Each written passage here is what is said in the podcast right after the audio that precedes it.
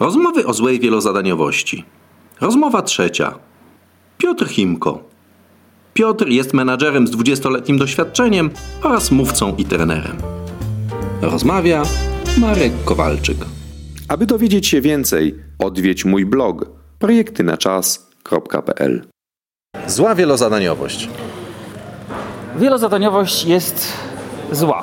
Przekonałem się o tym bardzo boleśnie kilka lat temu, kiedy do mojego koszyka wpadło dużo więcej tematów niż wcześniej i e, postanowiłem je ogarnąć. Postanowiłem je ogarniać tak jak do tej pory, czyli robić kilka rzeczy naraz. Okazało się, że jajka wypadają z, z rąk i się tłuką.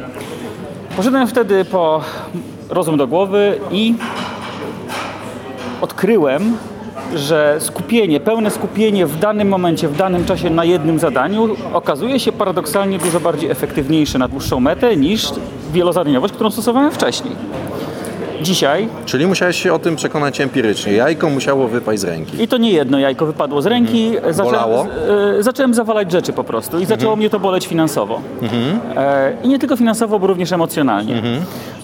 W momencie, w którym koncentruję się na jednej konkretnej rzeczy w danym miejscu, na przykład w domu na dzieciach, mam wyłączony telefon i nic innego mnie nie rozprasza. Jak idę do, e, zajmuję się pracą zawodową, jakimś, jakimś wycinkiem, zajmuję się, zajmuję się w tym momencie tylko tą jedną konkretną rzeczą i niczym innym. Po czym po upływie czasu zajmuję się inną rzeczą.